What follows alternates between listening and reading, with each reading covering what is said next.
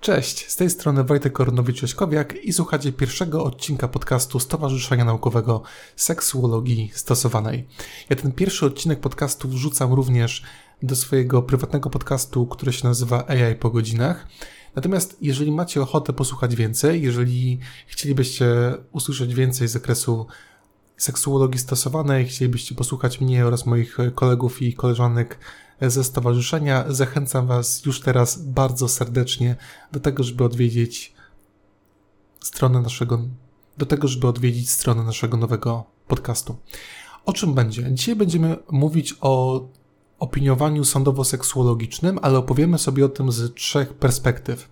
Posłuchamy perspektywy osoby, która dopiero co rozważa być może zajęcie się opiniowaniem sądowo-seksuologicznym w przyszłości, ale tego jeszcze na 100% tego jeszcze nie jest pewna.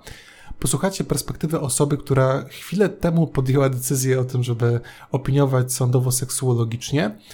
No właściwie chwilę temu to trochę, trochę przesada, dlatego że ten proces wpisywania się na listy biegłych też trochę czasu jednak zajmuje, więc Adam tą decyzję o wpisie na listę biegłych podjął kilka miesięcy temu, ale w ostatnim czasie uzyskał już wpis na listę biegłych i opowiem też z własnej perspektywy, czyli z perspektywy osoby, która opiniuje od dobrych już kilku lat.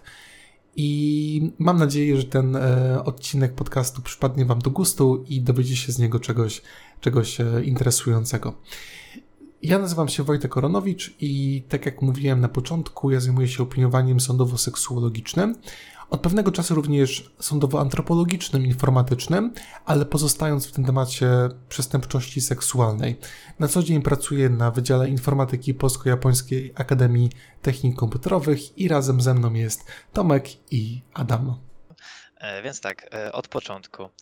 E, Tomasz Walkiewicz i jestem aktualnie licencjatem psychologii trakcie studiów magisterskich z psychologii, studiów podyplomowych z, e, z e, seksuologii praktycznej. Skończyłem również szkolenie z terapii skoncentrowanej na rozwiązaniach, a tak ogólnie to pracuję, nad, e, pracuję naukowo w, w dwóch laboratoriach. Więc takie kwestii czysto życiorysowej to tyle, ale tutaj ogólnie dla kontekstu chciałem jeszcze tak zarysować, że takie swoje ogólnie początki seksuologiczne zacząłem na kursach seksuologicznych prowadzonych tutaj właśnie przez e, Wojtka, który wcześniej mówił. E, więc tam gdzieś ogólnie moja miłość do tego się rozpoczęła, bo te kursy były stosunkowo tanie, a dużo godzin i dużo wiedzy, więc jakby rzeczywiście mi to dużo dało. A jeszcze to był, jeszcze bodajże to był czas pandemiczny i człowiek trochę tak w depresji takiej siedział w domu, więc no rzeczywiście te e, zajęcia mi dużo dały, bo to też był taki czas, gdzie zastanawiałem się ogólnie w co iść, gdzieś tam mnie interesowała ta seksuologia. Na początku zobaczyłem, że, że ogłosił się Wojtek z zajęciami z wstępu do seksuologii klinicznej. Poszedłem i skończyło się tak, że w kolejnym trymestrze ogłosił dwa kolejne szkolenia i na dwa kolejne się zapisałem. Więc podobało mi się i tak oto e, gdzieś tam moje z, z, te, z, te zamiłowanie do, do tej dyscypliny zostało. I teraz bym przekazał głos dalej do Adama kolejno. E, to jestem Adam Siwiak, jestem e, początkującym biegłym, ale również doktorantem w e, Szkole Doktorskiej Nauk Społecznych Uniwersytetu Jagiellońskiego. Pracuję w Instytucie Psychologii na Wydziale Filozoficznym na UJOcie również gdzie zajmuję się prowadzeniem zajęć ze studentami, głównie z takich przedmiotów analitycznych, czyli wnioskowanie statystyczne, ale mm, też takimi przedmiotami dotyczącymi narzędzi psychologicznych, które też w pracy biegłego tego typu doświadczenie może się przydać, ponieważ tam sobie rozmawiamy na temat tego, jakie, jakie miary kwestionariuszowe, jakie narzędzia e, zastosować. e, w danym, e, w danym przypadku, kiedy, kiedy, kiedy, kiedy ktoś mm, specyficznym problemem do nas przychodzi. Więc tego typu wiedzę udostępniam e, studentom w trakcie zajęć. E, w ramach e, mojego doktoratu e, zajmuję się psychologią zeznań e, świadka naocznego, więc to też e, sprzyja mojej pracy mm, jako, jako, jako, jako biegły sądowy.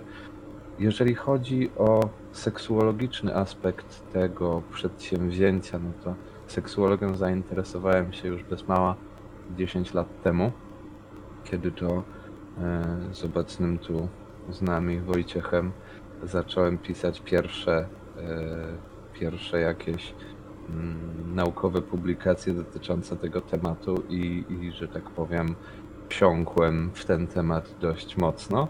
No i teraz, e, teraz, teraz e, nasza współpraca również, również kwitnie w tym zakresie, więc to było jakby takim, takim moim motorem napędowym. To mnie, to mnie zaciekawiło tym aspektem psychologii, tą przestrzenią i e, teraz e, postanowiłem bardziej, bardziej e, formalnie się, się do tego tematu odnieść.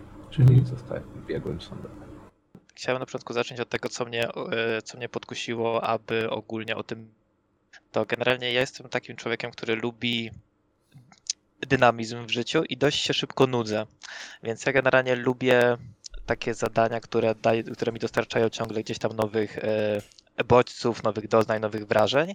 I tutaj, I tutaj właśnie na przykład mi pierwsze, co mi przyszło tutaj do głowy, e, dlaczego chciałbym się tym zająć, to dlatego, że jest taki dynamizm pracy w kontekście, że to nie jest praca, że się e, przychodzi, robi się pracę i wychodzi, tylko to jest bardzo dynamiczne i takich spraw z tego co wiem, na przykład w trakcie ogólnie miesiąca mogą być trzy, może być pięć, może być sześć, więc to jest bardzo dynamiczne. E, To, to, to ogólnie takich spraw właśnie czysto mm, grafikowych, etatowych, bo aktualnie siebie nie do końca widzę w takiej pracy e, codziennie, rutynowej, gdzie się idzie i robi się dokładnie to samo, więc trochę jednak e, po, e, potrzebuję tych bodźców i wrażeń. Mm, A o tym, dlaczego ogólnie specyfika pracy jako biegły, to gdzieś to wszystko się zaczęło standardowo od oglądania seriali takich kryminalnych, gdzieś tam kryminalno-śledczych i pamiętam, że w głowie mi zasiadł najbardziej e, Mindhunter, to myślę, że ogólnie e, każdemu coś tam to zostawiło, kto to widział, oglądał, a jak nie, to bardzo polecam, super jest. No i generalnie początkowo miałem taką wizję, że chciałbym zostać psychologiem e, więziennym. Zrobiłem jakiś tam research, pisałem, pisałem ogólnie po wszelakich psychologach z więziennym, tak trochę stalkerem się stałem, jak teraz myślę, jak to wyglądało, bo dosłownie szukałem ich na Facebooku, na Instagramie, pisałem siema, jak to wygląda, jak to wygląda taka praca i tak dalej, bo szukałem tych pytań, a nie znalazłem na nie odpowiedzi.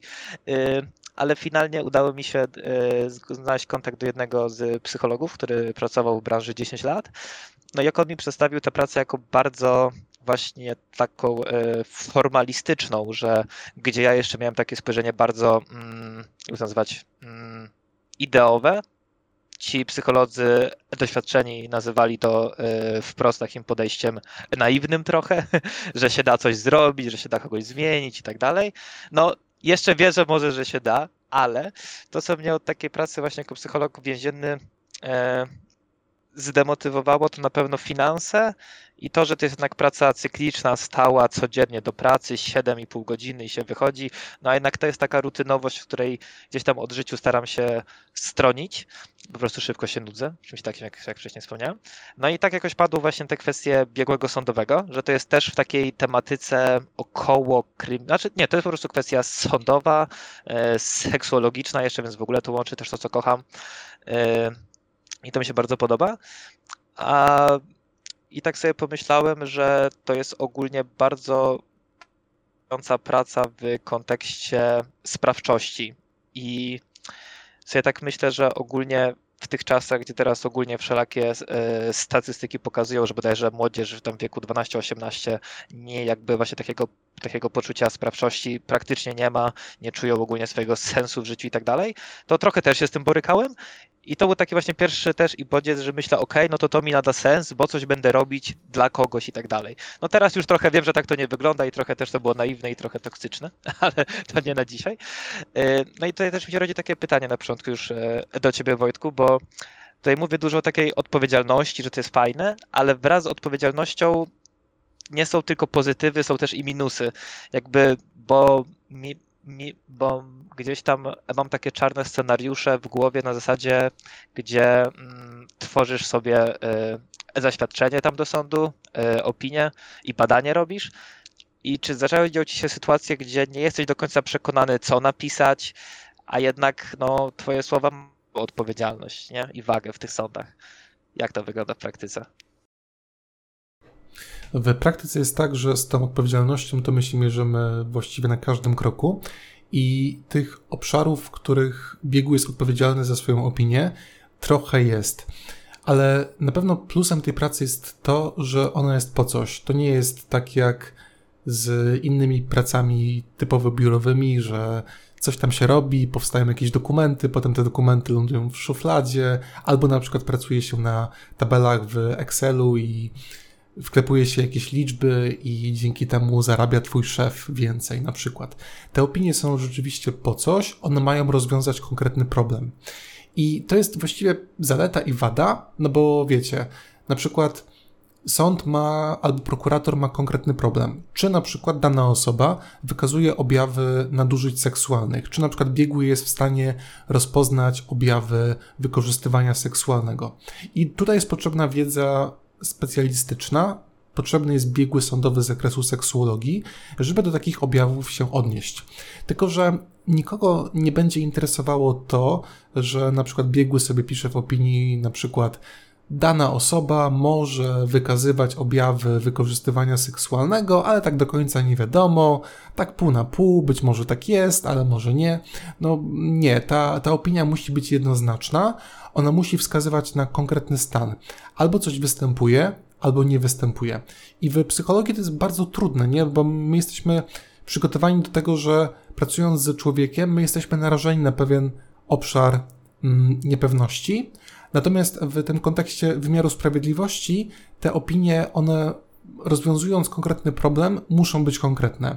I z tego powodu bardzo ważne jest to, żeby umieć uzasadnić swój punkt widzenia, żeby potrafić merytorycznie uzasadnić swoją wypowiedź, żeby to nie było ograniczone tylko do czegoś takiego, że ja na przykład stwierdzam, że u tej osoby rozpoznaję zaburzenia takie i takie, no bo tak, tam z kropką na końcu, tylko za tym musi iść przecinek. Znaczy innymi słowy, trzeba uzasadnić swoją wypowiedź, trzeba potrafić ją potem merytorycznie obronić w sądzie.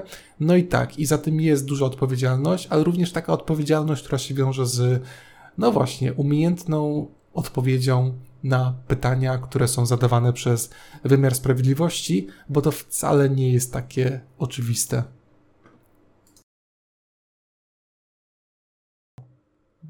No tak, dokładnie, to okej, okay, tutaj żeś mi troszeczkę to rozjaśnił, ale powiem Ci, że też tak się zastanawiam, mm, że to, co powiedziałeś, że te pytania, na które my, my jakby musimy y, odpowiedzieć, to zadaje sąd. A czy zdarza się, że sąd zadaje pytania totalnie być nieprecyzyjne ogólnie do sprawy, albo załóżmy, że y, oni ciebie pytają o coś, a ty to czytasz i masz takie halo, ale to w ogóle nie chodzi o to, co jakby tutaj y, chcecie ode mnie, tak? To chodzi o coś innego. A jednak no pytają ciebie o to, o X, a ty Aha. widzisz, że jest Y. Mhm. Jak to zrobić, żeby to było tak w zgodzie z tobą, żeby zrobić to dobrze, a zarazem, żeby e, e, zadowolić ten sąd. No to słuchajcie, taki przykład z ostatnich dni. Na przykład dosyć często pojawia się takie pytanie, w którym ktoś się, zleceniodawca, czyli prokuratura, czy też sąd, pyta się o skłonność do kłamstwa rozumianą jako cecha osobowości danej osoby, nie? Że dana osoba jest skłonna do kłamstwa albo nie jest. I to trzeba się, no właśnie, trzeba jakoś uzasadnić na podstawie wywiadu, testów, dokumentacji i przedstawić, czy taka cecha u danej osoby występuje, czy nie. No trochę dziwne, prawda? Aż już mi się odpaliło w sensie, że już zacząłem myśleć, czym bym to sprawdził. No właśnie, No to jest chyba problem, że nie ma chyba Nie, czym za bardzo. można, można e, użyć jakichś narzędzi, które mają jakąś skalę kłamstwa albo jakichś innych narzędzi, w sensie nie mierzących ogólnie jakby tego, czy ktoś tam e, jakieś ściemy próbuje, próbuje przemycić, czy nie, ale że na przykład ma tendencję do tego, że przedstawia się w dużo bardziej pozytywnym świetle niż, y, niż przeciętna, nie? Więc to by, Mhm. to by też mogło świadczyć o tym, że gdzieś tam e, jakąś skłonność do, do, do, do, do jakiejś fabrykacji ma, ale takie, żeby bezpośrednio stwierdzić, że, że, że ja muszę odpowiedzieć na pytanie sądu, czy ten mężczyzna, ta, ta, ta kobieta mają, są, są skłonni do kłamstwa. No każdy, kto skończył odpowiedni e, rok życia jest skłonny do kłamstwa w odpowiednich okolicznościach. Mhm. Więc to, y, to, to byłoby to pytanie, wydaje mi się, z gruntu tych, na które w sumie można by było polemizować, czy odpowiedź jest możliwa i czy odpowiedź jest konieczna. W sensie, czy psycholog jako biegły powinien odpowiadać na tego typu źle bądź niedokładnie postawione pytanie, bo wydaje mi się, że psycholog jako biegły też, będąc właśnie tutaj przy elemencie tej odpowiedzialności, nie? Mhm. Na pewne pytania po prostu musi mieć taką wiedzę i świadomość, że odpowiadać nie należy, ponieważ to albo jest źle mm, u zarania to pytanie jest źle sformułowane, w sensie albo nie jest to pytanie do psychologa, albo yy, takie, na które odpowiedź no obecnym, przy Mhm. obecnym stanie wiedzy nie, nie, nie, nie jest możliwa, więc to też wydaje mi się trzeba mieć na uwadze, że Mhm. nie na wszystkie pytania musimy się godzić odpowiedzieć. Albo jeszcze inny przykład. No, czasami jest tak, że są nam zadawane takie pytania, które naprawdę wykraczają poza zakres kompetencji biegłego zakresu psychologii albo psychiatrii, to już w zależności od y, przypadku. No to cho- znowu jakieś, y, żeby bazować na konkretach, to dosyć częstym pytaniem, ale mam takie wrażenie, że już z roku na rok coraz rzadziej zadawane przez y, sądy i prokuratury, to jest pytanie kierowane do biegłego o to, żeby się wypowiedział odnośnie możliwych zmian organicznych u danej osoby. To znaczy, czy u danej osoby występują zmiany w ośrodkowym układzie nerwowym, strukturalne, funkcjonalne. I oczywiście no, są czasami takie objawy zachowania, które mogą, ale nie muszą wskazywać na podłoże organiczne tych zachowań, na jakieś zmiany. Natomiast no, badanie psychologiczne to nie jest badanie radiologiczne. To nie jest, to nie jest tak, jak w przypadku badań prowadzonych przez specjalistę radiologii, e, że mamy obrazek i tak tu jestem w stanie pokazać palcem, że no jest jakaś zmiana strukturalna w tym ośrodkowym układzie nerwowym. Mamy oczywiście narzędzia neuropsychologiczne, które czasami są w stanie różnicować pewne jednostki między sobą, mogą wskazywać, ale znowu podkreślam to, że mogą, ale nie muszą na pewne zmiany organiczne. No i pojawia się takie pytanie, tak, czy znowu w ogóle na tak zadane pytanie, również właśnie w kontekście opiniowania sądowo-seksuologicznego, powinno się odpowiadać, no czy też wprost pisać w opinii, że ten zakres odpowiedzi, no to nie jest coś, na co mógłby się wypowiedzieć na taką okoliczność biegły zakresu psychologii, seksuologii, także to po prostu wykracza jego, poza zakres jego kompetencji, zakres ustanowienia biegłym. To ciekawe. Nie wiedziałem, że Okej, aż tak. tak, aż, że aż tak płyną z tym, że, że wiedzy medycznej od psychologa wymagają. No Tak, trzeba, to też trzeba się doszkolić. Tak, to mi trochę tutaj y, układa głowie, myślę. Tylko że też mi też rodzi takie pytanie, że czy to nie jest trochę tak, że jeżeli byśmy odpowiedzieli w taki sposób y, na te pytanie sądu, bo generalnie to, czy my dostajemy sprawę, jest chyba zależne od tego, czy chce nas dany sąd, prawda? Tak, takie pytanie jest. dokładnie tak. Tak, to czy jeżeli my byśmy odpowiadali na pytania w taki sposób, to czy ten sąd może czuć potem do nas pewną awersję i nie do końca być chętnym, aby do nas przekierowywać różne sprawy? Czy właśnie, czy to nie jest takie trochę, że rzeczywiście kosztem bycia emerytorycznym jest to, że będziemy mieli mniej spraw, mniej pieniędzy i finalnie nie będziemy mogli tego robić, bo nie będziemy po prostu w stanie tego robić. A ja mam akurat pod tym względem dosyć fajne doświadczenia, dobre. Mam takie wrażenie, że jeżeli wysyła się opinię do zleceniodawcy, która jest merytoryczna, gdzie biegły w sposób no właśnie merytoryczny odpowiada w opinii, że no na pewno pytanie po prostu się nie da odpowiedzieć. Pisze na przykład, że kiedyś formułowano opinie w takim i w takim zakresie, ale doszły takie i takie badania, które wskazują na to, że biegli nie powinni się wypowiadać odnośnie jakiegoś konkretnego obszaru.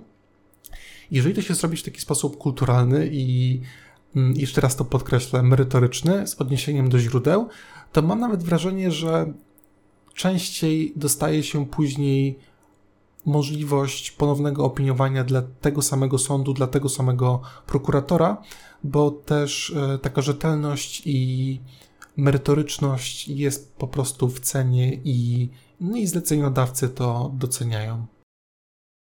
Okej, okay, to super. To szczerze nie spodziewałem się takiej odpowiedzi. To jest to bardzo pocieszające tak naprawdę w tym wszystkim. Ale mm, temu wszystkiemu, co mówisz, jakby jestem sobie w stanie wyobrazić, że towarzyszy dużo stresu i ogólnie presji.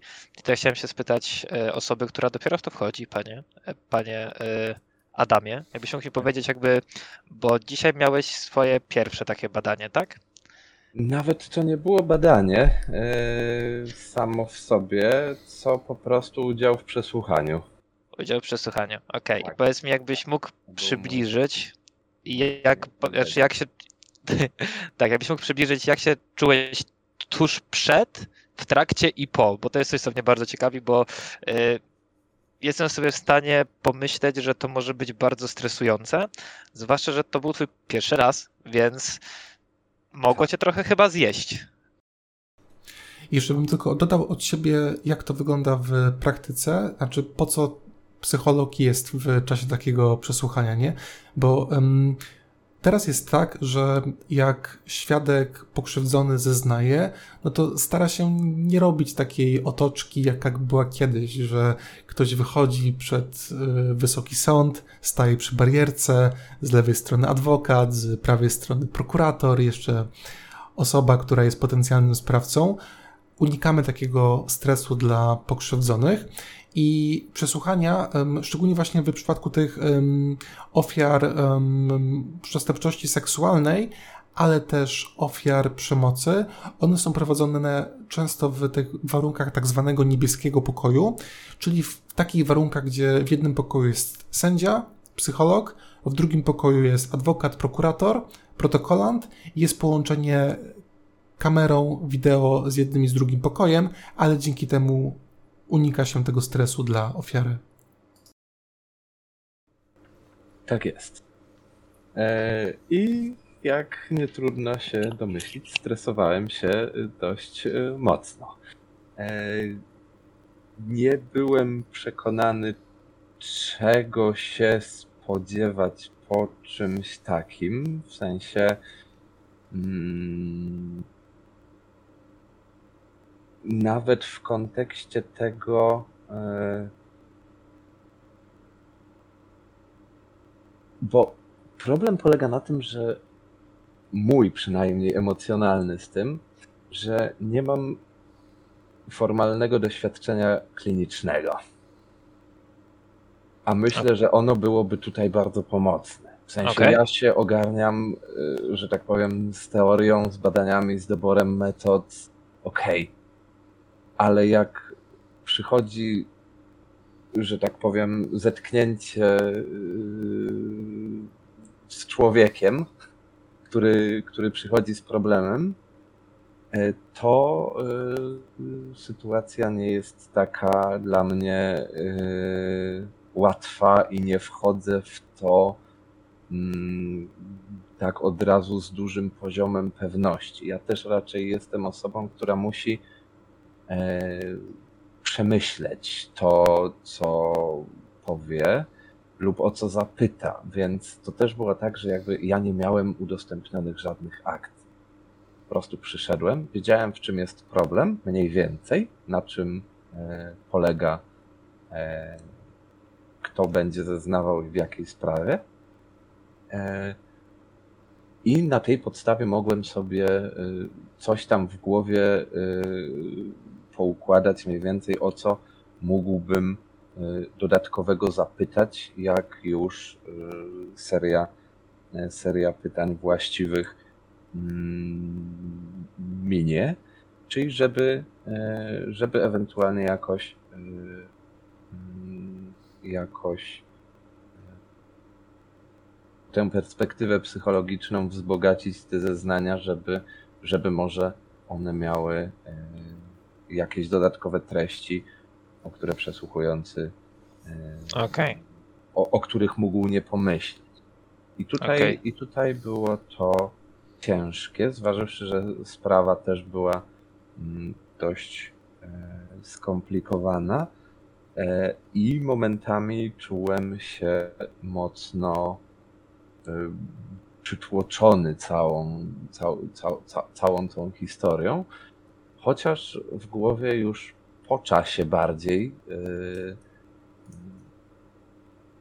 jakoś mi się to strukturyzuje. W sensie, że o ile tam na gorąco yy, było to problemowe, o tyle na spokojnie już yy, jestem w stanie z tego jakieś yy, większe, yy, bardziej całościowe wnioski wyciągnąć.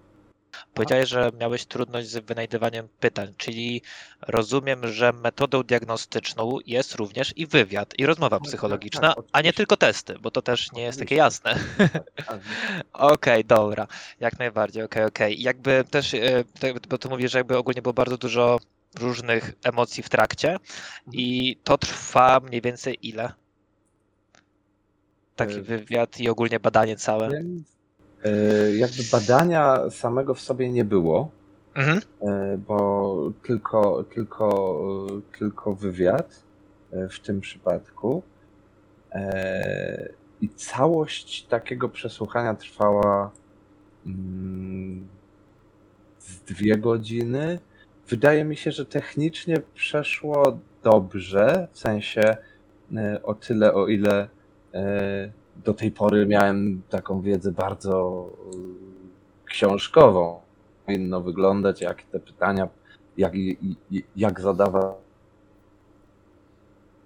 bo to tam e, to, na czym się głównie mm, właśnie osadza ta, ta moja dziedzina psychologii, w której się specjalizuję, czyli jak, te, jak do tego świadka podejść, żeby on nam się nie zamknął i żeby nie zrobić czegoś, co e, będzie sprawiało później problemy interpretacyjne. I to jest też, e, co, co też może być e, ciekawe, że to jest też obserwacja tego, kto przesłuchuje, a nie tylko przesłuchiwanego.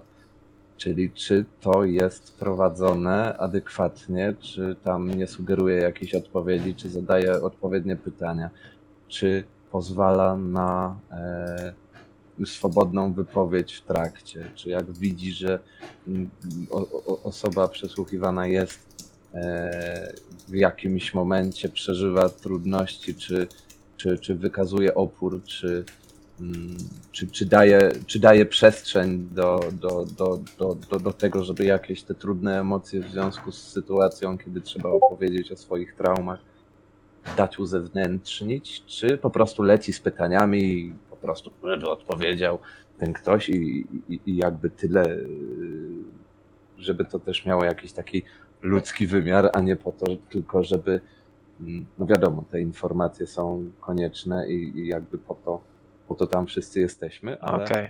ale Okej, żeby to to wiesz co, miało Adam? taki wymiar, żeby, żeby te, o, tych osób nie, nie niszczyć emocjonalnie. Okej, to jeszcze mam takie pytanie od razu na bieżąco, bo powiedziałeś, że to ktoś jeszcze sprawdza ciebie. A kim jest ta osoba? Czy to jest też e, Że biegły, ja, ale inny, tak. czy? ja jeszcze sprawdzam innych, tego kto, przesłu- Aha, tego, okej, okej. przesłuchuje. W sensie, że obserwuję całą sytuację, nie tylko Okej, skupiam się na, na, na osobie przesłuchiwanej, ale też w trakcie tego sprawdzam, czy jakby ten, kto dokonuje formalnie tego przesłuchania, e, czy jakby Okej, dobra. rzeczywiście e, pod tym Jasne. no, aspektem rzecz jasna tylko i wyłącznie psychologicznym. E, Czy daje, czy daje przestrzeń tej osobie właśnie do swobodnej wypowiedzi, bo to też jest istotne, czy po prostu zawalają pytaniami, czy te pytania na przykład są mm, po prostu adekwatne do sprawy, czy one coś wnoszą. Czy Okej, to to tak, żeby to trochę ktoś tam może się, e, że tak powiem, wtrącić w ten proces. To nie jest tak, że tam sobie siedzę i, i, i, i, i, i jakby jestem takim bardziej mentalnym wsparciem dla, dla, dla, dla tego świadka, tylko y, też właśnie e, z tego aspektu formalnego, jeżeli ktoś zadaje, e, zadaje jakieś pytania sugerujące odpowiedź i tak dalej, to jakoś tam delikatnie można, można, można tutaj coś powiedzieć.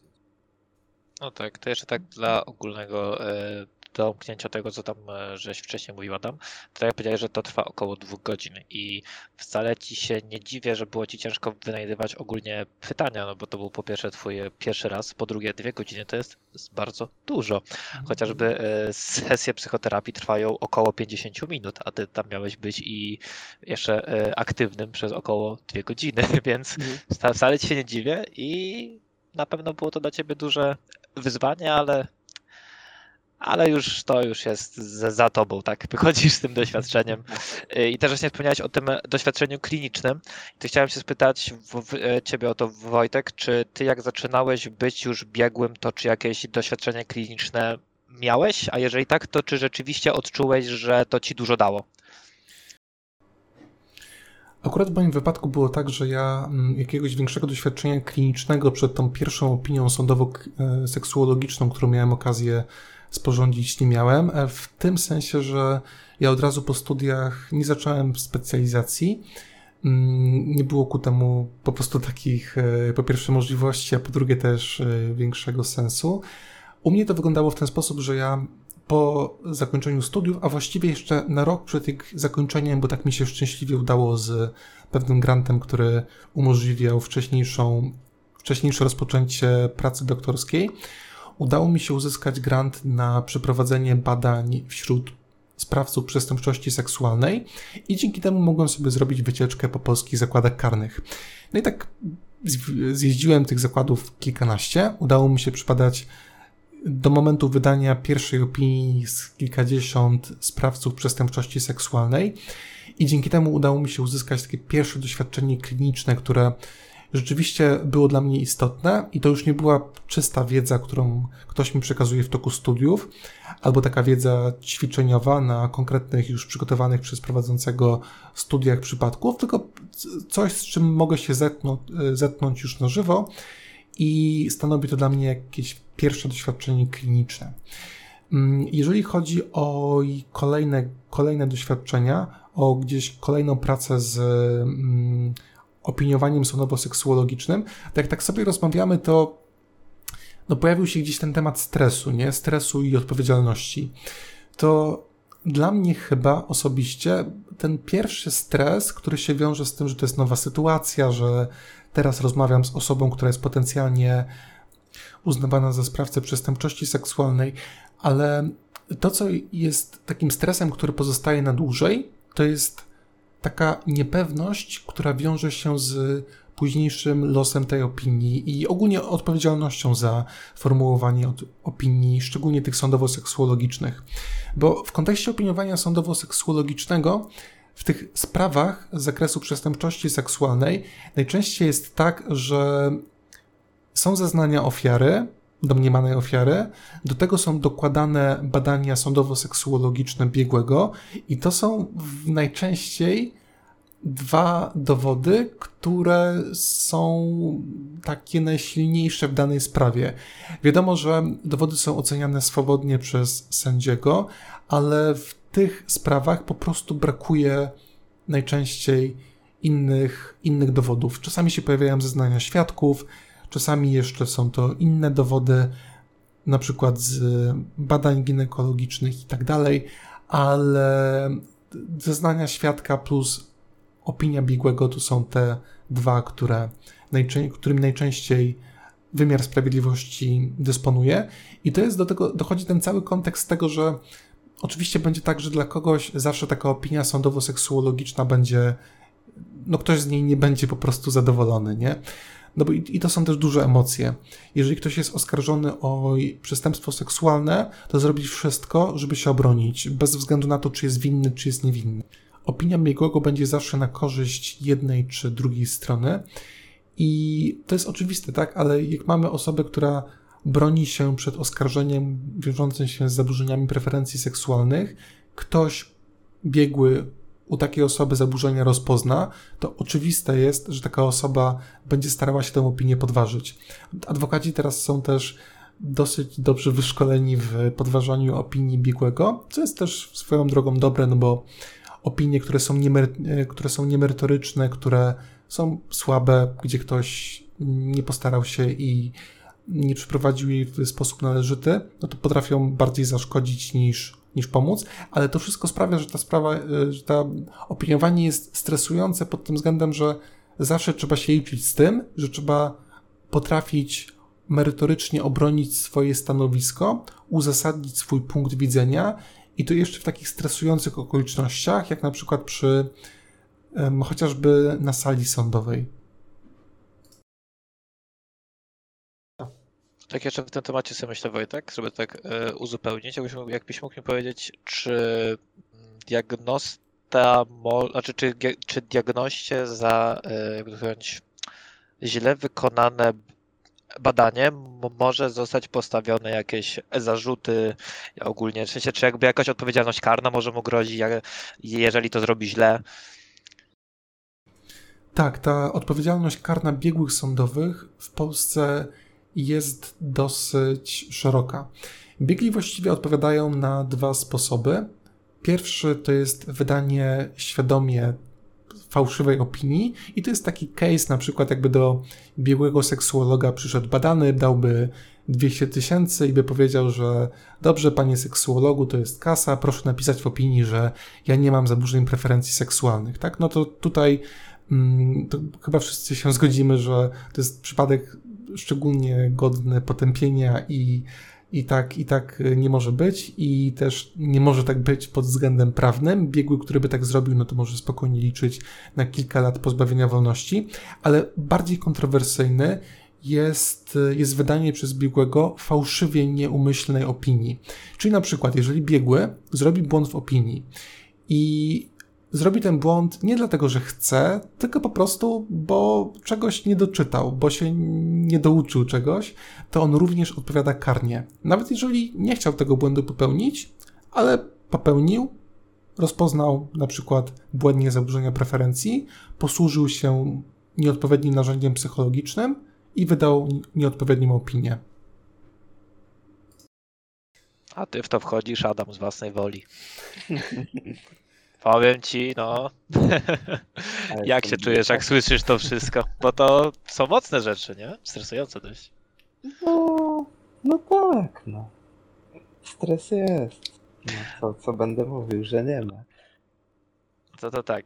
Y, najważniejsze, jakby to jak mówisz, to jest tutaj dużo ładunku emocjonalnego dookoła. W sensie nie mówię, że stricte od ciebie, ale ogólnie takich rzeczy. No i powiedz mi, jak tu zachować zdrowy taki zdrowy balans, myślę, między właśnie pracą jako y, biegły, a żeby się nie zajechać po prostu. U mnie akurat taką strategią zaradczą, którą sobie wypracowałem przez lata, to jest zastanowienie się na etapie już formułowania opinii, wyciągania z niej wniosków, czy byłbym w stanie obronić merytorycznie każdy wniosek, który w tej opinii zawieram. I za każdym razem, jak coś piszę w opinii, to mam z tyłu głowy taką sytuację, że na przykład znajduję się na sali sądowej i któraś ze stron pyta się mnie, a jakby biegły uzasadnił to czy tamto, co zawarł w swojej opinii. I teraz, jeżeli w czasie pisania opinii mam w głowie z tyłu głowy coś takiego, że ach, nie no, że tego, tego to, to się nie dałoby obronić na żaden sposób, no to takich rzeczy po prostu nie można pisać. Trzeba być moim zdaniem zawsze przygotowanym na to, że każdą, każdy aspekt diagnozy to wszystko, co się znajduje w opinii, można podważyć i strony to po prostu będą robiły. Zresztą tak się bardzo często dzieje w postępowaniach cywilnych i trzeba to mieć na uwadze. Nie wiem, czy ta moja strategia jest dobra czy zła, bo ona z drugiej strony też może trochę prowadzić do tego, żeby nad pewnymi aspektami się zbyt y, długo zastanawiać, ale z drugiej strony też mam trochę wrażenie, że ta lista, którą wykorzystują szczególnie adwokaci, mm, ona jest raczej stała. Innymi słowy, są takie pytania, które zwykle zadają adwokaci w postępowaniu karnym, cywilnym, które są takimi ogólnymi zastrzeżeniami do opinii sądowo-psychologicznych czy też opinii sądowo-seksuologicznych. I warto jest się do tego przygotować, żeby potem już w czasie konfrontacji przed, przed sądem potrafić w merytoryczny sposób uzasadnić swoje stanowisko. E, to generalnie już trochę żeś o tym wspomniał, zahaczyłeś o ten temat, a mianowicie na temat e, studiów i przygotowania. Może trochę e, od końca to zrobiliśmy, ale wydaje mi się, że powinniśmy wspomnieć o tym, w jaki sposób staje się tym biegłym, tak? Bo ja na przykład jak robiłem takie Poznanie, to widziałem, że na rynku są studia podyplomowe z zakresu bycia biegłym sądowym. No i pytanie, czy takie studia macie? Adam Wojtek. Tak. E, ja studiów z samej psychologii sądowej, czy z jakiegoś takiego e, powiedzmy instytucjonalnego przygotowania do bycia biegłym nie mam. W sensie ja teraz robię rzeczy, które w sensie studia podyplomowe, które mają e, gdzieś tam w członie swoich nazwy sądowe, ale jakby one też nie przygotowują do tam sporządzania opinii w żadnym zakresie, yy, po prostu bardziej w kwestiach, w kwestiach sądowych jest ta, jest ta wiedza używana, ale mniejsza z tym. Sam yy, yy, proces wpisywania się na listę był. Znaczy, ja ogólnie cierpię na to, że Y, strasznie dużo tam jest niedopowiedzeń, strasznie dużo jest takich informacji, które są y, w moim przekonaniu dość mgliście komunikowane i być może to jest ogólnie specyfika sądu, ale e, można się tego dowiedzieć, e, chociaż czasami ciężko, ponieważ e, w tym sądzie, w którym ja się, ja się wpisywałem, to, yy, to zajęło mi to dosyć długo, mimo tego, że też, przyznam się, nie śpieszyłem się yy, z tymi procedurami, ale yy, raz od jednej osoby słyszałem jedne informacje, od drugiej związanej z tym sądem, jeszcze inne od trzeciej, jeszcze inne. I teraz myśl człowieku, co ty masz tak w rzeczywistości zrobić, żeby to zostało dobrze zrobione, bo później jakby yy, dostanie się list polecany, sorry, sorry, ale tego a tego yy, nie dostarczyłeś, tego a tego nie opisałeś, więc formalnie nie możemy yy, nie możemy dalej jakby ze sobą rozmawiać, bo brakuje dokumentacji. No i taką trochę metodę obrałem prób i błędów, e, czyli e, dostarczałem e, te dane, które myślałem, że są potrzebne, po czym jeżeli dostawałem zwrot, to dostarczałem je mm, mm, już te właściwe. W Polsce jest tak, że mamy ten system, że można być biegłym z listy wybranego prezesa sądu okręgowego, albo można być biegłym ad hoc. No i jak się jest osobą z listy, takim biegłym sądowym, który figuruje przy liście prezesa odpowiedniego tam sądu okręgowego, no to w teorii może być tak, że jest się przywoływanym do danej sprawy prowadzonej przez sąd rejonowy, który pod takim sądem okręgowym się znajduje.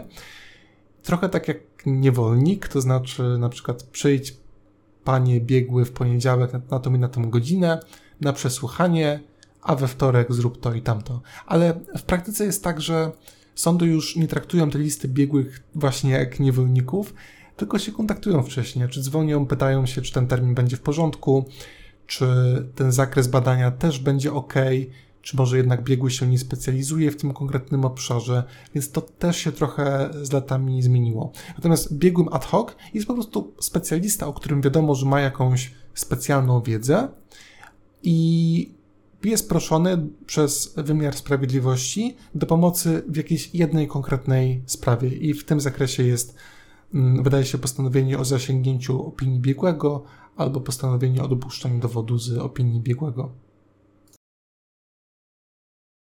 że cię tak wtrącę tym, co sam już powiedziałeś, no ży, ży, pragmatyka życia bywa, bywa, bywa niezadowalająca, że z tym e, udostępnianiem akt na przykład. No tak, no tak. E, bo dzisiaj miałem na to całe dwie minuty, e, już będąc na miejscu, więc to niekoniecznie jest satysfakcjonujące, a jakby jak się chciałem E, że tak powiem, doprosić, żeby, żeby, żeby mi zostały udostępnione, to dostaję informację, że nie jestem stroną i akta nie zostaną udostępnione.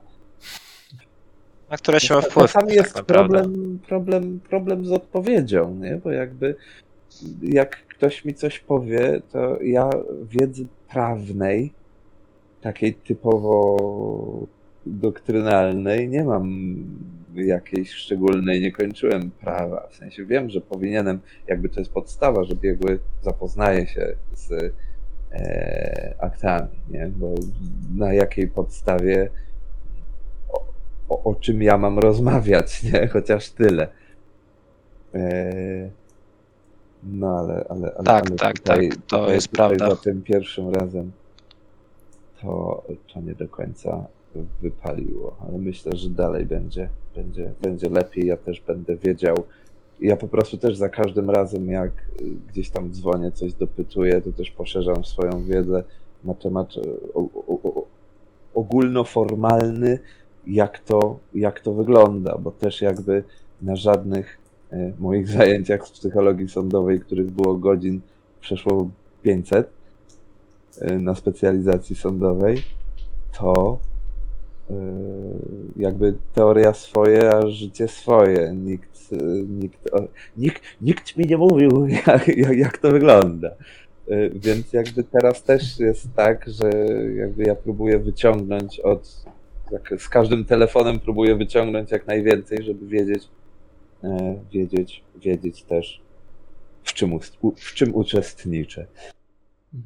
Dobra, to tak sobie myślę, bo tak, bo opowiedzieliśmy jakby opowiedzieć tutaj o tej drodze mm, zgłoszeniowej tak naprawdę, że jakby mhm. e, mamy tę listę, mamy też e, biegłych, którzy są e, powo, e, powo, powoływani pomimo, że na liście nie są. To zgaduję, że pewnie wynika z tego, że no, tych biegłych specjalistycznych jest po prostu mało. Bo też tutaj e, mnie poprawcie ewentualnie, jeżeli się mylę, ale chyba z zakresu seksuologii na całą Polskę jest chyba z 50, czy przesadzam? Mhm. Dokładnie, to już mi trochę smutno, tak naprawdę. Ale tak sobie myślę, bo tutaj powiedzieliśmy o tej kwestii formalnej, jak ogólnie się głosić, że tam się idzie do sądu, się, jakby tam się daje taki e, dokument i to jest za darmo, prawda? Zgłoszenie same nic nie kosztuje. Czuję jako parę dziesiąt złotych, bo trzeba wyciągnąć e, informacje o niekaralności. To Okej. 30 zł. Okej, no dobra, no to jednak musicie się przygotować na kwotę około 30 zł, jeżeli chcecie takie coś zrobić. ale, ale myślę bardziej o kwestiach. o, maksymalnie 5, tak. I jeszcze dojazd na bilet to w ogóle. No. Na wydruk. Zły PR robisz, Adam, już, już. Bo jeszcze zniechęcimy, a to nie o to chodzi. Tak, e, to tak jak powiedzieliśmy o tej kwestii merytorycznej, jakby wydaje mi się od czasów skończenia studiów magisterskich, ale powiedzcie mi, czy załóżmy, bo trochę z tego co rozumiem, to wy nie robiliście studiów podyplomowych specjalnie pod to. E, ty, Adam, też nie masz ogólnie z tego zakresu, ale rozumiem, że jakaś weryfikacja, kto się zgłasza na potencjalnego biegłego, jest, prawda? A nie na przykład, że ja sobie skończę, nie wiem, yy, architekturę, a chcę być na psychologii biegłym.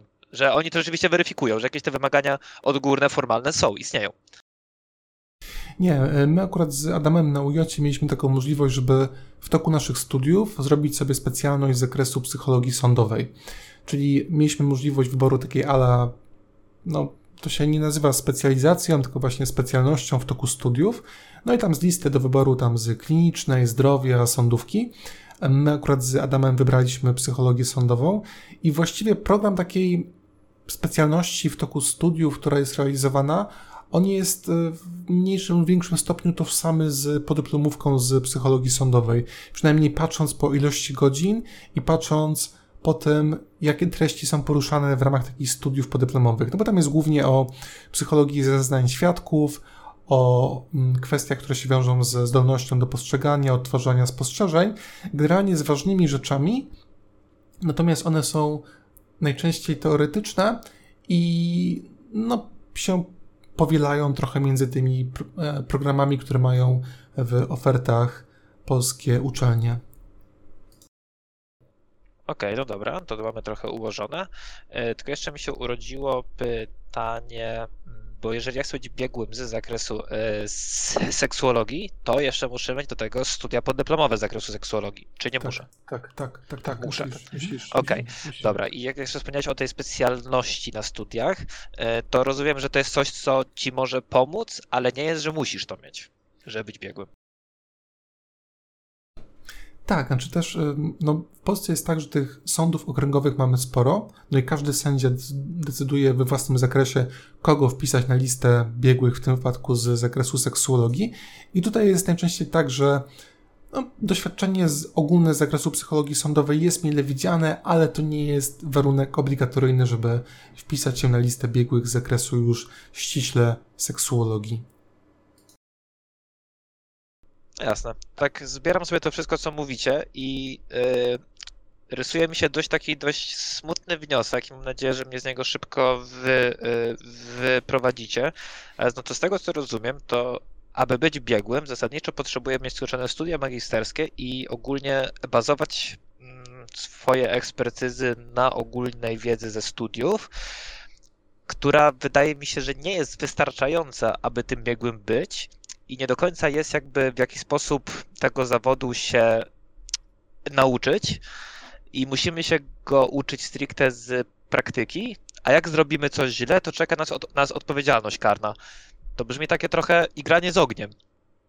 Idę, bawię się w to, ale mogą być postawione zarzuty, bo nie miałem się jakby wcześniej gdzie tego nauczyć. Czy mm, dobrze to widzę, no. czy to jest bardziej kolorowe niż mi się tutaj rysuje? To znaczy, no tak niestety jest, tak jak mówisz, szczególnie w tym początkowym okresie pracy, że jeżeli się nie współpracuje z jakąś instytucją, gdzie masz okazję wydawać opinie na początku razem z innymi biegłymi, nawet kosztem swojego wynagrodzenia, no to jesteś rzucony od samego początku na głęboką wodę. Tak, tak, bo wiecie co, bo też y, obiło mi się o uszy bodajże, ja mam takiego kolegę, który bodajże pracuje w instytucie, w jakiejś placówce i jakby stricte ta placówka mu jakby przekierowuje y, sprawy. Czyli jakby on na liście fizycznie nie jest, ale pracuje w takiej placówce, która mu daje te sprawy sądowe. Tylko on tam w tematyce y, ubezpieczeń bodajże. I Aha. wtedy jakby on ma tam mówi, że to jest dla niego tyle fajne, że rzeczywiście y, w tej firmie jest jeszcze podpiętych kilku innych specjalistów i rzeczywiście oni piszą te opinie zbiorcze, czyli że taka możliwość również jest. Tak, e, są różne firmy, które funkcjonują u nas w Polsce, które trochę tak pośredniczą między biegłymi a mm, instytucjami, którym zależy na uzyskaniu opinii biegłych. Czyli załóżmy, jest prokurator, który mówi, że on ma materiał dowodowy, że to jest komputer i że potrzebuje na przykład opinii informatycznej, bo tam trzeba zrobić kopie binarne, bo trzeba przeprowadzić operację odzyskiwania danych, bo może trzeba odszyfrować jakieś pliki i następnie jeszcze należy sprawdzić, bo potencjalnie na tym komputerze znajdują się treści pornograficzne z e, udziałem osób małoletnich, nie? No to wtedy on może się zwrócić do, do, takiej firmy, która pośredniczy w kontakcie z biegłymi i ta firma następnie dobiera specjalistę do rozwiązania konkretnego problemu i oferuje temu zleceniodawcy, że na przykład zrobi tą i tą usługę, sporządzi się określoną opinię, będzie to kosztowało jakąś tam kwotę, podaje się również czas realizacji i to jest chyba fajne, szczególnie też na początek, dlatego że jeżeli będzie na przykład taka opinia, gdzie ktoś nie będzie chciał jej wziąć, no bo nie będzie się czuć na siłach, no to wtedy zawsze istnieje możliwość albo odmowy wzięcia takiej opinii, albo na przykład wydania jej wspólnie z kolegą czy też koleżanką z tej, tej samej firmy. Tak, to, to mi się wydaje bardzo dobra opcja właśnie tak na początek drogi, żeby rzeczywiście nie czuć się mm, osamotnionym w tym, żeby jednak, jakby nazwać, mieć pewne struktury, wobec których można się oprzeć, powołać. Tylko powiedz mi, czy taka placówka zapewnia ci jakieś zabezpieczenie prawne, czy, czy to musisz robić na własną rękę i tak? Nie, to tutaj odpowiedzialność jest taka sama, czy identyczna, tak samo jakbyś opiniował jako biegły z listy. Okej, okay, dobra. E, to myślę, że omówiliśmy naszą część wstępu ogólnie do tego zawodu, pewne zagrożenia z tego wynikające. No to teraz myślę, że już tak myślę dość, dość zwięźle o plusach.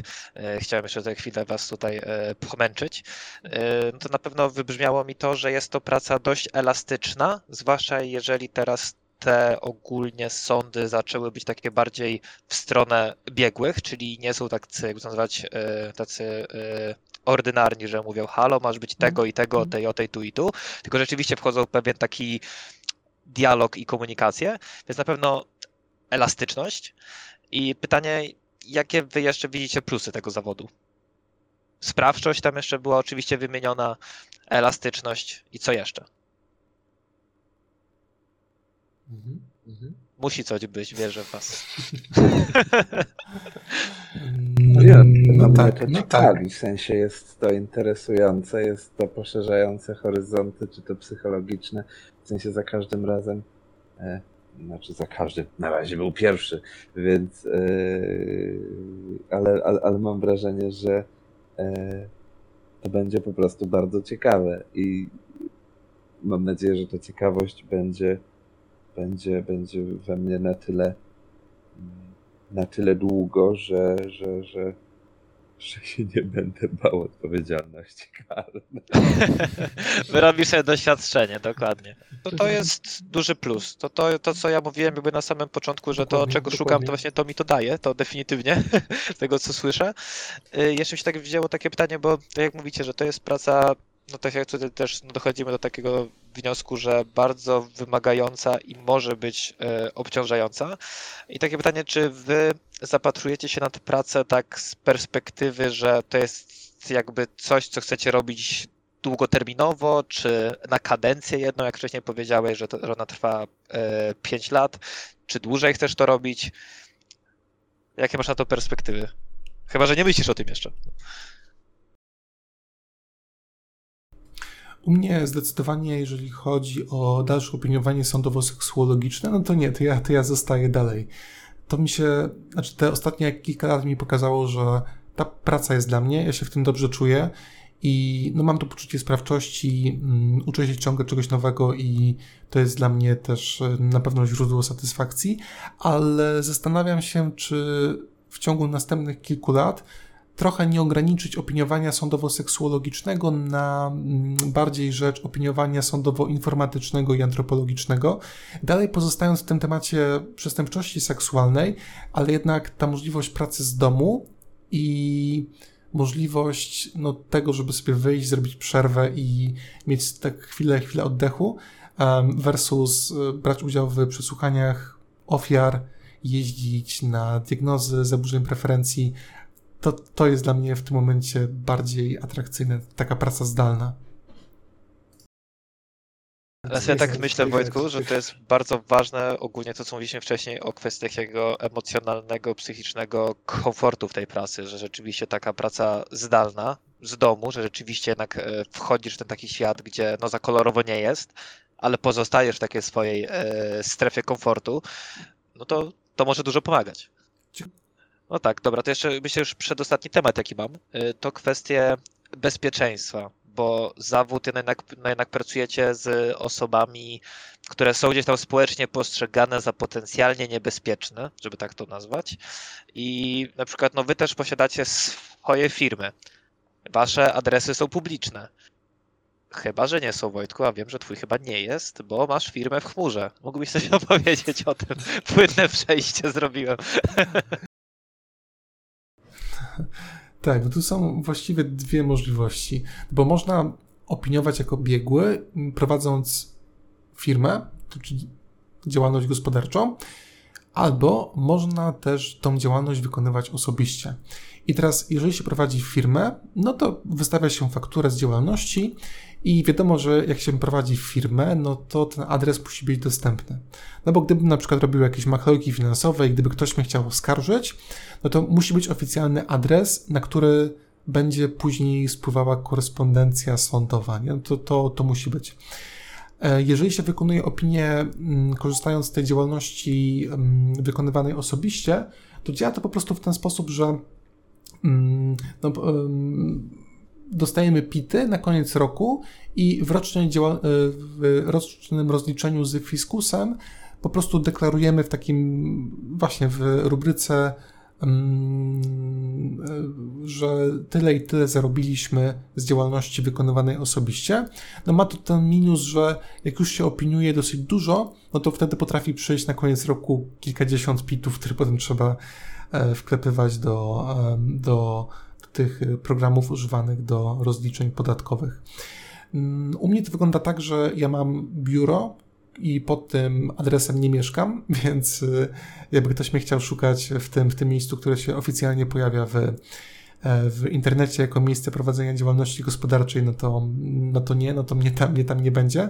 No i robię to głównie właśnie z potrzeby zachowania bezpieczeństwa, no bo jednak opiniuję się dla różnych osób, nie zawsze te opinie, czy właściwie często te opinie są na niekorzyść osób diagnozowanych, szczególnie, że to są osoby, które tam stanowią realne zagrożenie i to, to zagrożenie jest na tyle silne, że jest widoczne w czasie badania sądowo-seksuologicznego, więc takie, takie dane jak własne miejsce zamieszkania trzeba po prostu w odpowiedni sposób chronić dobra, to myślę, że wyszło nam tutaj bardzo fajne jakby, jakby przedstawienie, w jaki sposób ty to robisz. No i myślę, że coś do przemyślenia dla naszego przyszłego biegłego na początku, dla Adama, że może warto się zastanowić, jak rejestrować tę działalność, żeby było dobrze rzeczywiście. Yy, no dobra, to jeszcze chciałbym, myślę, ostatni temat taki najbardziej, najbardziej grzejący, mnie dlatego też zostawiam go na koniec. Kwestie finansowe bo, mi, bo ja na przykład mi, to, tak powiem, że ja mam przed oczami zdjęcie na Instagramie pana e, Gołębiowskiego bodajże, Jana, który wstawił zdjęcie na tle billboardu e, Burger Kinga, że płacą 25 zł za godzinę i że to jest dużo więcej niż zarabia biegły sądowy. no i i co wy na to? A to myślę, że jest dobre pytanie do Adama. To jak sądzisz, ile teraz, za ile wystawisz rachunek za to ostatnie przesłuchanie? Nie wiem. To są No nie. jedno z tych trudnych pytań. Muszę... Ale to bardzo ważne, żeby to powiedzieć teraz, bo czyli No, ty ile? No ale jakby ile, no? tę sprawę wziąłeś, ale nie wiesz ile za nią dostaniesz. Tak. Na dobrą sprawę, tak. Dobra. A jak tak Dobra, mniej więcej mhm. czujesz? W sensie, jeśli byś miał tak, nie wiem, e, strzelać kwoty tak, jak e, myślisz, że twoja praca jest warta? Bo to też jednak tak, bo to myślę, że to jest ogólnie fajne z takiej perspektywy, abyś ogólnie teraz kwotę rzucił i możemy nagrać podcast po tym wszystkim, e, żebyś powiedział dostałem. oczek, oczeki, oczekiwania rzeczywistość, dokładnie, żeby zobaczyć jak, jak, mniej więcej jak to wygląda. Bo tutaj tak naprawdę nam wchodzą w kwestie dwie rzeczy. Pierwsza jest taka, że jeżeli biegły jest powołany przez sąd, no to tak to w praktyce jest, nie? Że jedzie na badanie, prowadzi badanie, potem sporządza opinię i tak dalej, wystawia na końcu fakturę i tam jest karta pracy biegłego i tam wpisuje ile mu godzin zajęło sporządzenie tej opinii. Stawka za, za godzinę pracy biegłego jest stała i jeżeli biegły nie ma tytułu doktora, tylko ma tytuł magistra, to wynosi maksymalnie 32 zł. I bez względu na to, ile biegły lat pracuje, no to taka, taka stawka jest. Natomiast to wszystko zależy od tego, na jakim poziomie specjalizacji dany biegły się znajduje, nie? No bo jeżeli ktoś posiada większą, większą wiedzę, większy zakres specjalizacji, no to być może jest w stanie tak tą diagnostykę sobie poszerzyć, żeby ta liczba godzin po prostu odpowiadała szerszemu zakresu, żeby obejmowała szerszy zakres diagnozy, która jest stawiana, nie? I wtedy, mm, wtedy naturalnie ta E, ta, ten koszt opinii jest większy.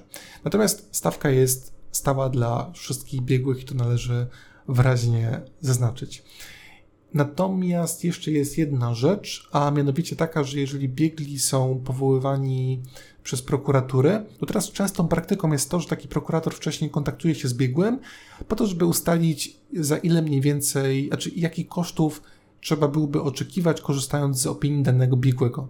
To się robi po to, żeby na przykład uniknąć takiej sytuacji, że powołuje się biegłego i potem okazuje się, że ta opinia kosztuje znacznie więcej niż prokurator oczekiwał i potem są problemy z tym, żeby taką, takie wynagrodzenie biegłemu wypłacić, a to jest tak, że jeżeli wykonanie opinii zleca prokuratura rejonowa, to potem płaci prokuratura okręgowa, no i potem mogą być po prostu takie trudności z przełożonymi i mm, takie kwestie, czy mm, obcinać wynagrodzenie biegłemu, czy, czy nie, czy je zostawić na takim poziomie, o jaki tam e, biegły, biegły wnioskował.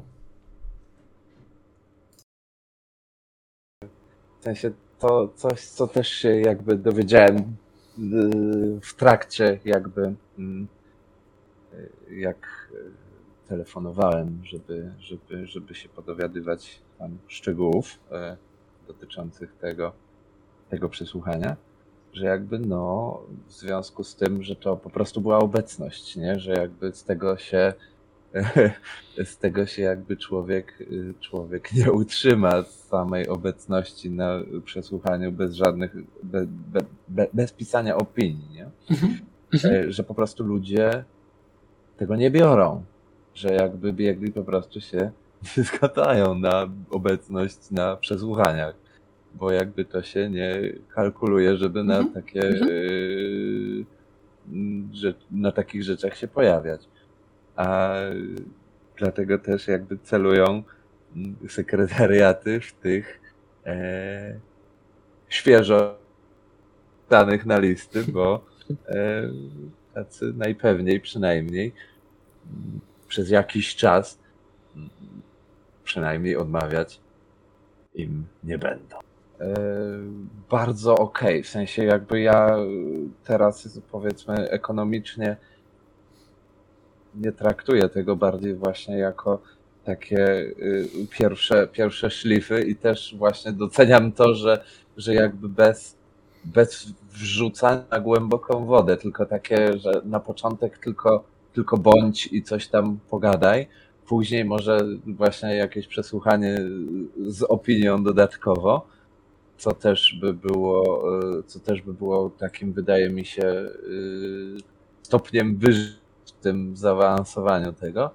Więc mam nadzieję, że jakby to, to będzie eskalowało e, na tyle, na tyle dla mnie akceptowalnie, że, że, że, że, że mhm. jakby emo, emocjonalnie będę, będę to dźwigał.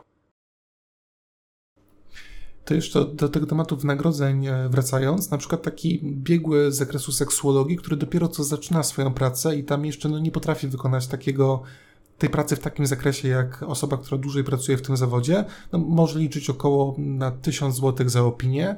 Taka osoba, która trochę już coś tam, coś tam umie, ale też Mm, nie ma jeszcze takiego dużego zakresu doświadczenia i na przykład nie prowadzi badań z zakresu szacowania ryzyka powrotności do przestępstwa, około 2000, natomiast taka osoba, która już wykonuje tą opinię w takim pełnym zakresie, która potrafi samodzielnie przeprowadzić pełną diagnostykę sądowo-seksuologiczną, no, jeszcze w zależności od tego, czy ma tytuł magistra czy doktora, ale może mniej więcej liczyć na około 3000 powiedzmy plus minus złotych za, za, taką, za taką opinię. Brzmi dobrze. To jakby się mógł powiedzieć, bo tak powiedziałeś, że wraz z jakby wzrostem nazwiska ogólnie w tym e, środowisku, to co ma na to e, ciebie ogólnie postrzega to środowisko i rozumiem, że skoro cenę ustala prokurator, to ty z tym prokuratorem musisz się znać, jakieś kolesiostwo, czy jak? Nie, znaczy w praktyce wygląda to tak, że jeżeli zaczyna się opiniować, jeżeli twoje opinie są dobre, no to po prostu zapadasz komuś w pamięć. Bo ktoś cię będzie kojarzyć z jakiejś ciekawej opinii, że komuś kiedyś się pomogło rozwiązać jakiś problem, ktoś prowadził trudną sprawę z zakresu przestępczości seksualnej i tu ma kontakt do biegłego zakresu seksuologii, który sprostał zadaniu, w przyszłości wydał dobrą opinię, dzięki temu udało się tę sprawę wygrać, załóżmy. Mm, I no właśnie, jeżeli zaczyna się opiniować i te opinie są dobre i zaczyna się stopniowo, stopniowo zapadać w pamięć, to ta baza tych zleceniodawców siłą rzeczy ona się powiększa.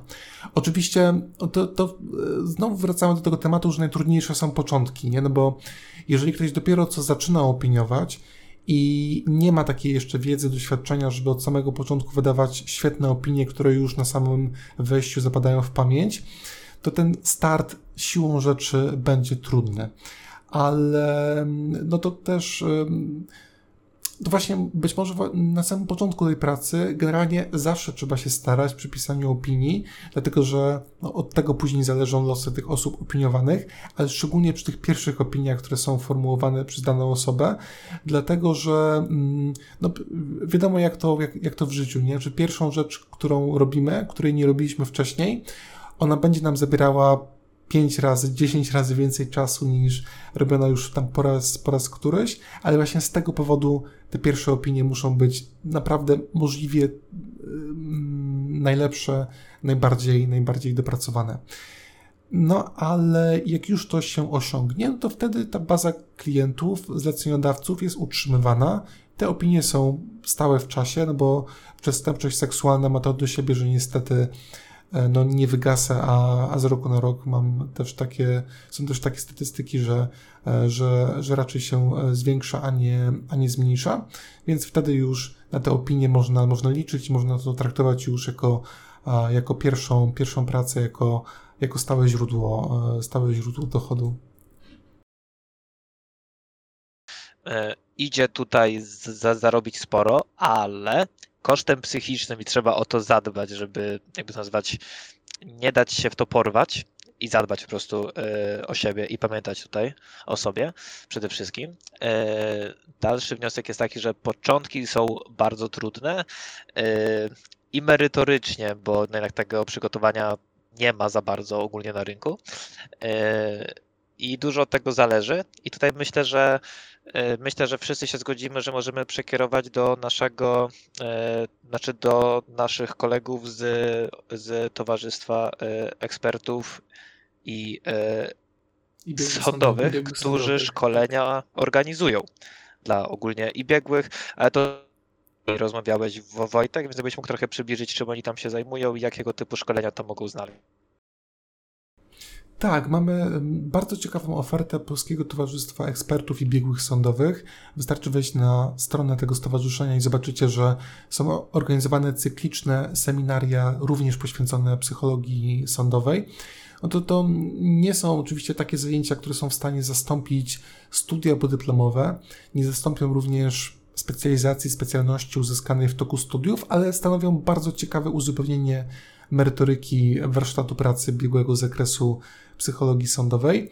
Mamy również Stowarzyszenie Psychologów Sądowych, to krakowskie, które działa bardzo prężnie od lat 90. Też warto jest skorzystać z oferty tego stowarzyszenia. Są organizowane cykliczne szkolenia, a stowarzyszenie wydaje również certyfikacje, rekomendacje dla psychologów, którzy, którzy opiniują dla wymiaru sprawiedliwości Oferta jest bardzo interesująca i właściwie nic tylko z tego, z tego korzystać.